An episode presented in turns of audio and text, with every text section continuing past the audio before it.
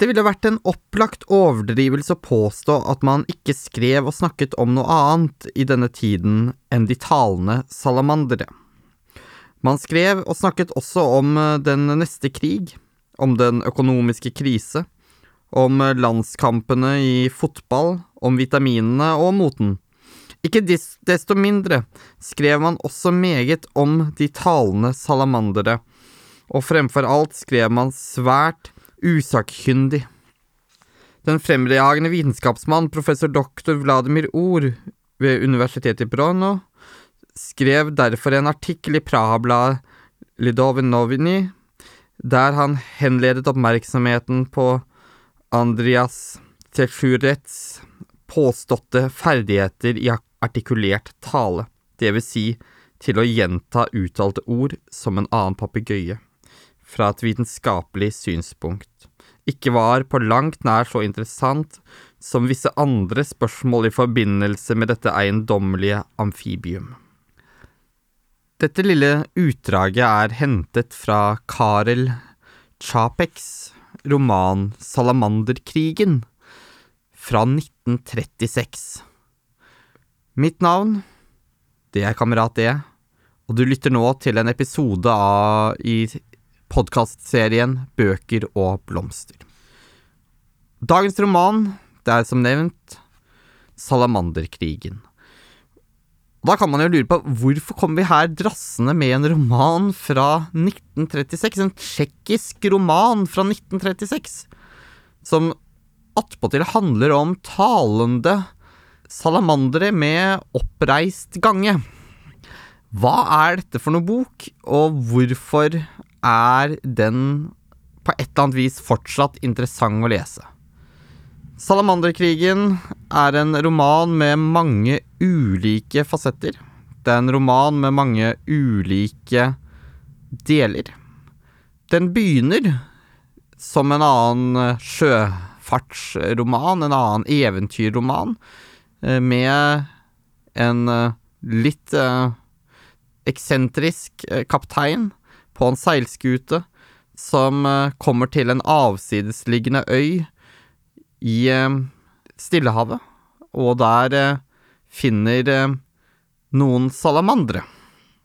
Eller det vil si, lokalbefolkningen kaller dem visstnok sjødjevler. Og disse salamanderne, de har noen eiendommelige egenskaper. Men denne romanen går fort fra å være en sjøroman og en eventyrroman til å bli en roman som omhandler helt andre sider ved samfunnet. For eh, den går videre fram at denne kapteinen drar tilbake til sitt hjemland, til Tsjekkia, hvor han eh, finner eh, en eh, gammel bekjent.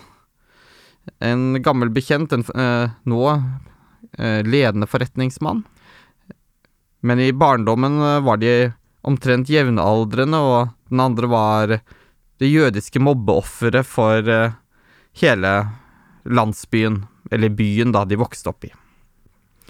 Men eh, nå trenger denne kapteinen Fantach penger, masse penger, for å investere i sin nye forretningsidé.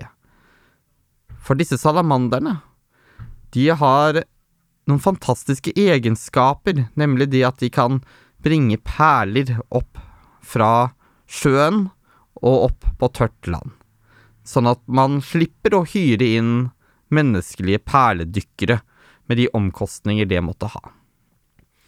Som dere kanskje allerede har skjønt, dette er en roman som også handler i stor grad om kapitalisme. Den handler om samfunn, og den handler om utnytting. For disse salamanderne blir, og spesielt etter kaptein van Torr eh, sin død, eh, utnyttet i stadig økende grad til alt mulig annet enn perlefangst. Og de viser seg at de har mange spesielle egenskaper. Hvordan de har fått disse egenskapene, det er noe uvisst. Eh, det er mer som de plutselig har fått dem, og det er kanskje ikke der romanen heller er spesielt spesifikk, så mye som at eh, det nettopp skal være en plutselig endring av på en måte premissene i verden rundt oss. Disse salamanderne de er av størrelse som et uh, barn i mellomskolealder, ca. 1,20 høye når de står på bakbeina. De uh, beskrives ikke som spesielt sjarmerende eller pene, men uh, som relativt i utgangspunktet, vel å merke, snille og godtroende. De beskrives som flinke. De kan bruke forbenene sånn som vi bruker våre hender, med samme ferdighet som vi bruker våre hender. Og ikke desto mindre, de kan snakke. Eh, det lille passasjen jeg leste innledningsvis, uh, kommer uh, og er igjen et typisk eksempel på hvordan Chapek i sin roman og sin form på romanen inkluderer ulike undersjangre for å lage en helhetlig fremstilling av historien om salamanderkrigen. Så dette er jo den Det er jo da hentet fra en, en av disse vi, så, øh, eksemplene på mer vitenskapelige diskusjoner. Øh, eller referater fra det som kan minne om vitenskapelige diskusjoner om da salamandernes natur, etter hvert som det da blir oppdaget for et større og større publikum at de har noen egenskaper som man ikke trodde de egentlig kunne ha. Sånn som å snakke. Det viser også at disse salamanderne eh, formerer seg, og de formerer seg veldig effektivt, eh, men ulidenskapelig. Det er en gjennomgående tone i denne eh, romanen om at disse andre, disse salamanderne, på mange måter ikke er fullverdige mennesker. Samtidig så går det fram at, eh, og i økende grad jo lenger du leser, at de også har de samme følelser og de samme utgangspunkt på mange måter som oss mennesker for å kunne kjenne på smerte, fortvilelse, redsel, men at de også har drifter og behov eh, på egne vegne, og kollektivt som masse. Som jeg kan på et eller annet vis se kimene til noe som minner om eh, en tidlig kritikk av eh, Og på mange måter en ganske standard kritikk av eh, europeisk kapitalisme. Men også europeisk eh, historikk med slaveri, med kolonialisme, og med slavehandel eh, på tvers av kontinenter, men også hvordan denne slavehandelen langsomt går, eh, glir over til å bli institusjonalisert i nye former, mer siviliserte eh, hvitsnippformer.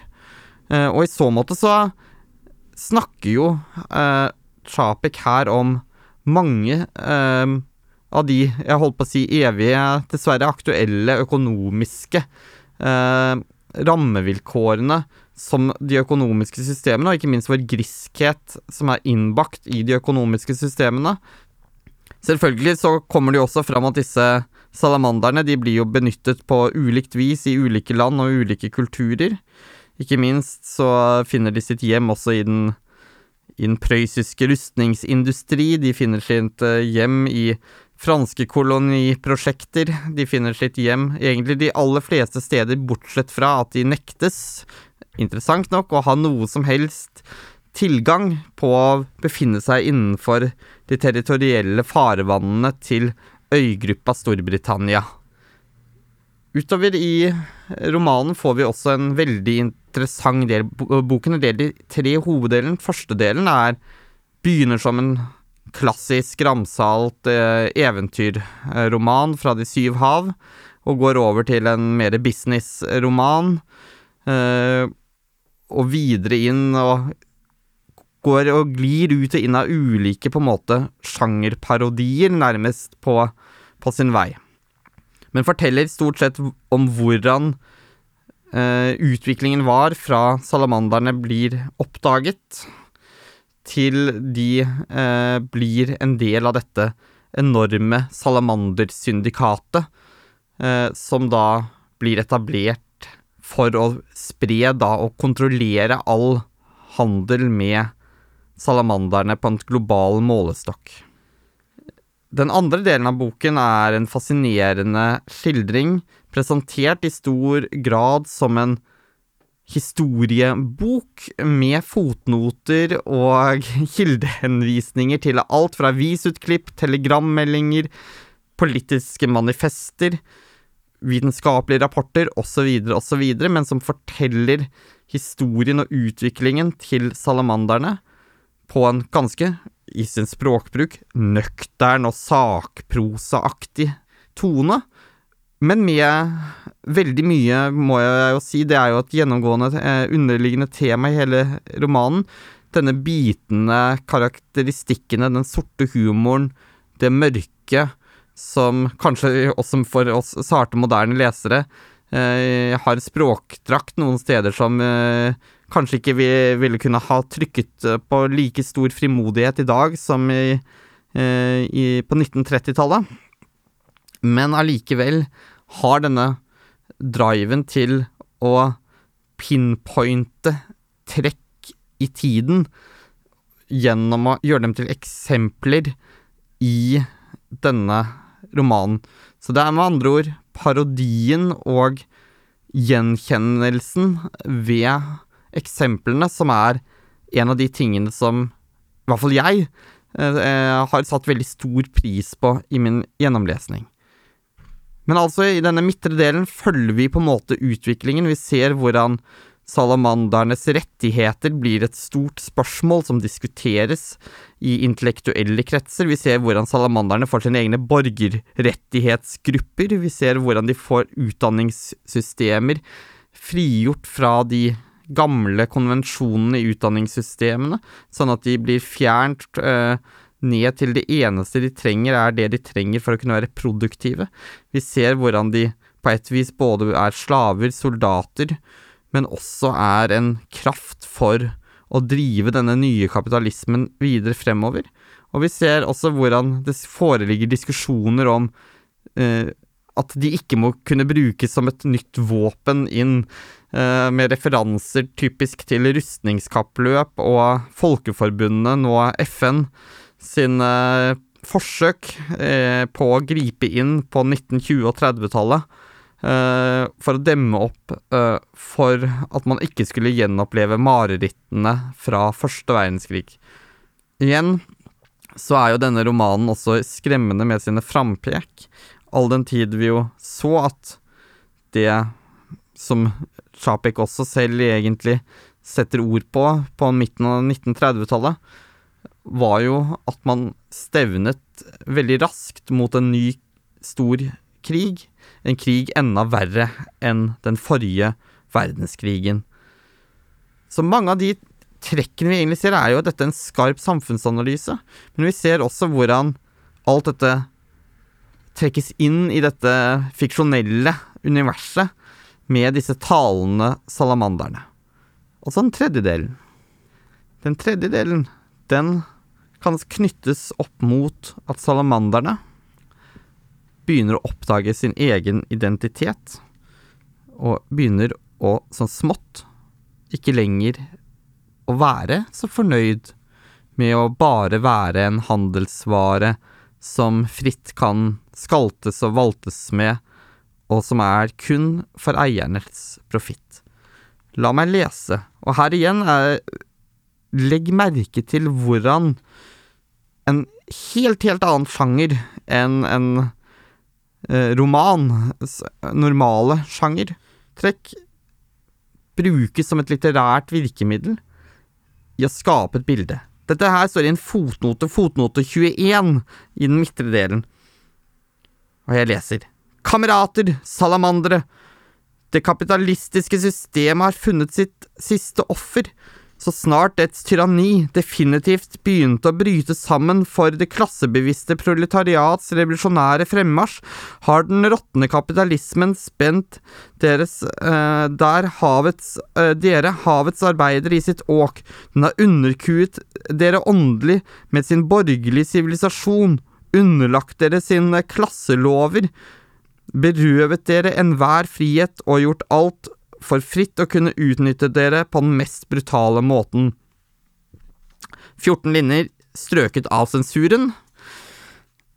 Arbeidende salamandere, timen er kommet da dere begynner å bli dere bevisst hele tyngden av den trelldom dere lever under. Syv linjer strøket. Å kjempe for deres rettigheter som klasse og nasjon. Kamerater, salamandere, hele verdens revolusjonære proletariat, rekker dere hånden? Elleve linjer strøket. Med alle midler. Dan, fabrikkråd, velg tillitsmenn, opprett streikefond, stol på de klassebevisste arbeidere, ikke vil svik svikte dere i deres rettferdige kamp, men gå til det siste angrep, hånd i hånd med dere. Ni linjer strøket. Undertrykte og revolusjonære salamandere i hele verden, foren eder, så samles vi på hvalen. Signert Molokov. Her er det jo umulig å ikke lese dette med å tenke noen tanker både til Lenin og ikke minst Karl Marx sine tekster og formspråk. Dette er jo som en kortversjon av Det kommunistiske manifest, bare for salamandere i stedet for proletariatet. Så nevnes det videre at det også var andre manifester og kamprop, blant annet salamandrekastvåpnene, kast våpnene, et pasifistisk manifest. Molech wirft Joden heraus, som var et tysk flyveblad. Kamerater salamandere, opprop fra en gruppe anarkistiske bakonister. Kamerater salamandere, offentlig opprop fra speiderguttene. Venner salamanderne, offentlig adresse fra Sentralforeningen for akvarielag og havdyrvenner og så videre, og så videre, og så videre. Ja, dere skjønner jo hvorfor dette er både morsomt, men også hvilken alvorstynget side som stadig vokser frem. For i tredje del I tredje del begynner alvorlige ting å skje. I tredje del begynner salamanderne sakte, men sikkert. Det begynner som noen få trefninger senking av et par krigsskip, blokkering av noen havner, til å gå i en lengre og lengre og mer og mer dramatisk vending, til man til slutt står i den totale krig. Nøyaktig hvordan det går, skal jeg selvfølgelig ikke avsløre, for du skal jo også ha gleden ved å lese dette selv. Her kan jeg også nevne at for øvrig finnes det på NRK sitt arkiv en uh, hørradioteaterinnspilling av salamanderkrigene fra jeg tror det er 1960- eller 70-tallet. Så den kan definitivt også anbefales som et I hvert fall om ikke et substitutt for å lese romanen, også en mulighet for å komme inn under huden på dette universet. For hva handler dette egentlig om? Kanskje vi skal se litt på hvem denne Sjapek var. Han var en uh, mediemann, han var journalist, forfatter. Uh, tilhørte de på en måte På mange måter en slags form for en liberal, intellektuell og humanistisk orientert gruppe intellektuelle, da, i, i Tsjekkia, med utgangspunkt i byen Praha. Eh, på tidlig 1900-tall. Han var en sterk kritiker av eh, totalitære retninger. Ikke minst var han en klar kritiker av både øh, den sovjetiske øh, Det sovjetiske prosjekt, ledet av bolsjevikene og siden under stalinismen, men han var også en vel så sterk kritiker, og det er kanskje den kritikken som kommer tydeligst til orde, og artikuleres tydeligst i salamanderkrigen, nemlig en sterk motstander av fascismen, og ikke minst dens ekstremeste og mest ytterliggående retning, nasjonalsosialismen under Adolf Hitler i Tyskland. Men også er han, som jeg har nevnt, en som er seg veldig bevisst den eh, lange historien, og også hvordan kapitalismen og ikke minst den rovgriske eh, og stadig mer globaliserte kapitalismen som gjorde seg gjeldende, ikke minst på 1800-tallet og tidlig 1900-tall, eh, også har da denne Har en klar brodd mot denne. Og her ser vi jo også tydelig hvordan på en måte undertrykkingen, fremmedgjøringen, men også den prosessen med å gjøre disse andre til mindreverdige, er en aktiv part inn i å skape nettopp det grobunnen og grunnlaget for den ubalansen som leder opp mot salamandernes opprør og den totale krig. Dette er en roman hvor svært få egentlig kommer veldig godt ut av det. Uh, og det er uh, kanskje derfor jeg syns den er tankevekkende å lese i dag.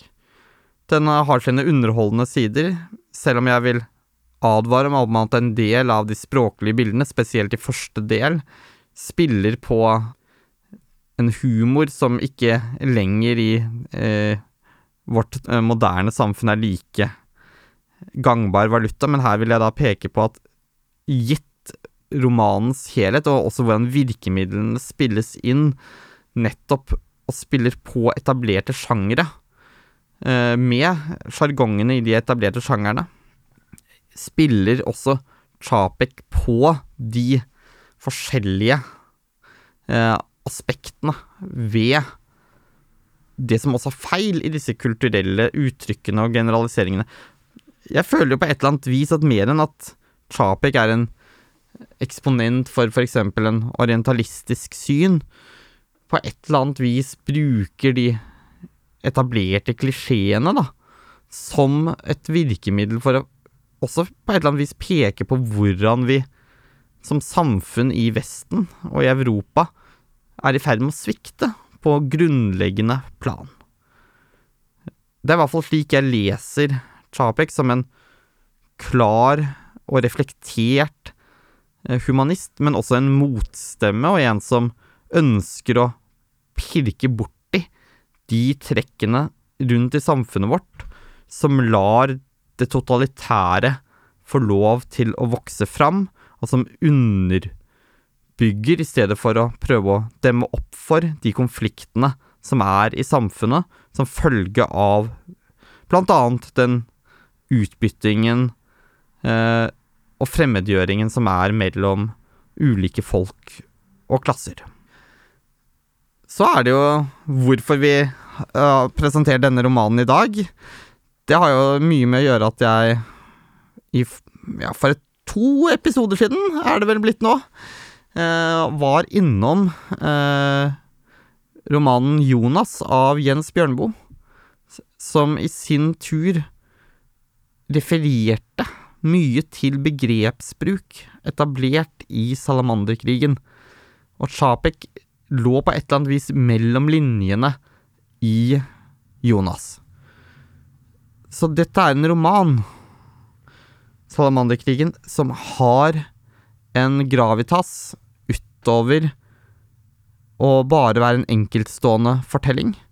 Det er en fortelling som har inspirert, og som har en plass i en større litteratur men det er også en fortelling som i motsetning til andre viktige romaner fra den perioden som vi kanskje har hørt mer om, sånn som kan være eksempel Farvel til våpnene av Hemingway, ikke så ofte tenderer å snakke om i dag. Men så er det noe annet også med Salamanderkrigen det er jo en, på mange måter en dystopi, eh, og vi har vært innom dystopiene før, eh, med blant annet og snakket om eh, Huxleys Brave New World. Men det er jo også en bok som har, på mange måter, er en science fiction, i og med at det plutselig dukker opp en helt ny X-faktor inn, som snur opp ned på mye av den etablerte teknologien, og formålet med dette er jo selvfølgelig å kunne vise fram et komprimert utgave av verdenshistorien med alt som inneholder alt fra slavehandel til, eh, til oktoberrevolusjon.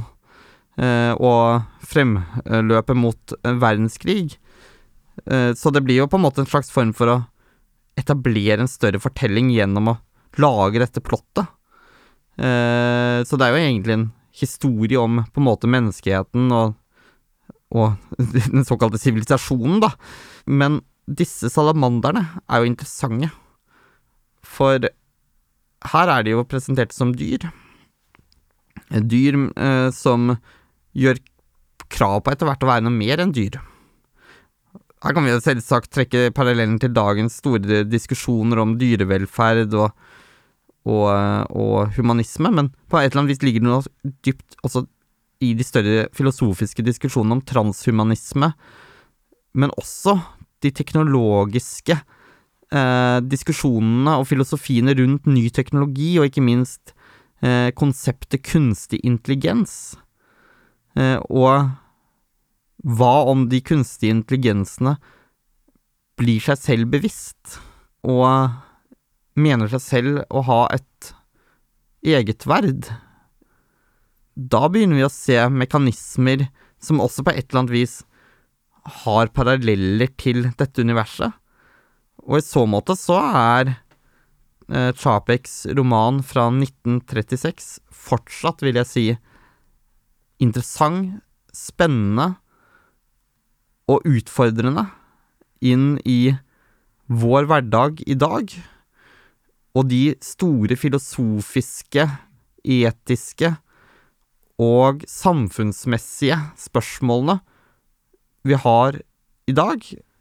Og så er det jo ikke akkurat slik at ting som utbytting, slaveri, kapitalisme, fascisme, totalitær nasjonalisme, kommunisme hører gårsdagen til. Nesten alle disse ismene, alle disse retningene, alle disse Og ikke minst det politiske og sosiodemografisk økonomiske landskapet som disse springer ut av, eksisterer jo i høy grad den dag i dag. Og i så måte, så Hvis du trenger da en litt sånn underholdende roman, og kan godt leve med at den er litt sånn gammel i, i, i, i formen og språket, vil jeg virkelig, virkelig anbefale å ta et lite dypdykk inn i Chapeks univers.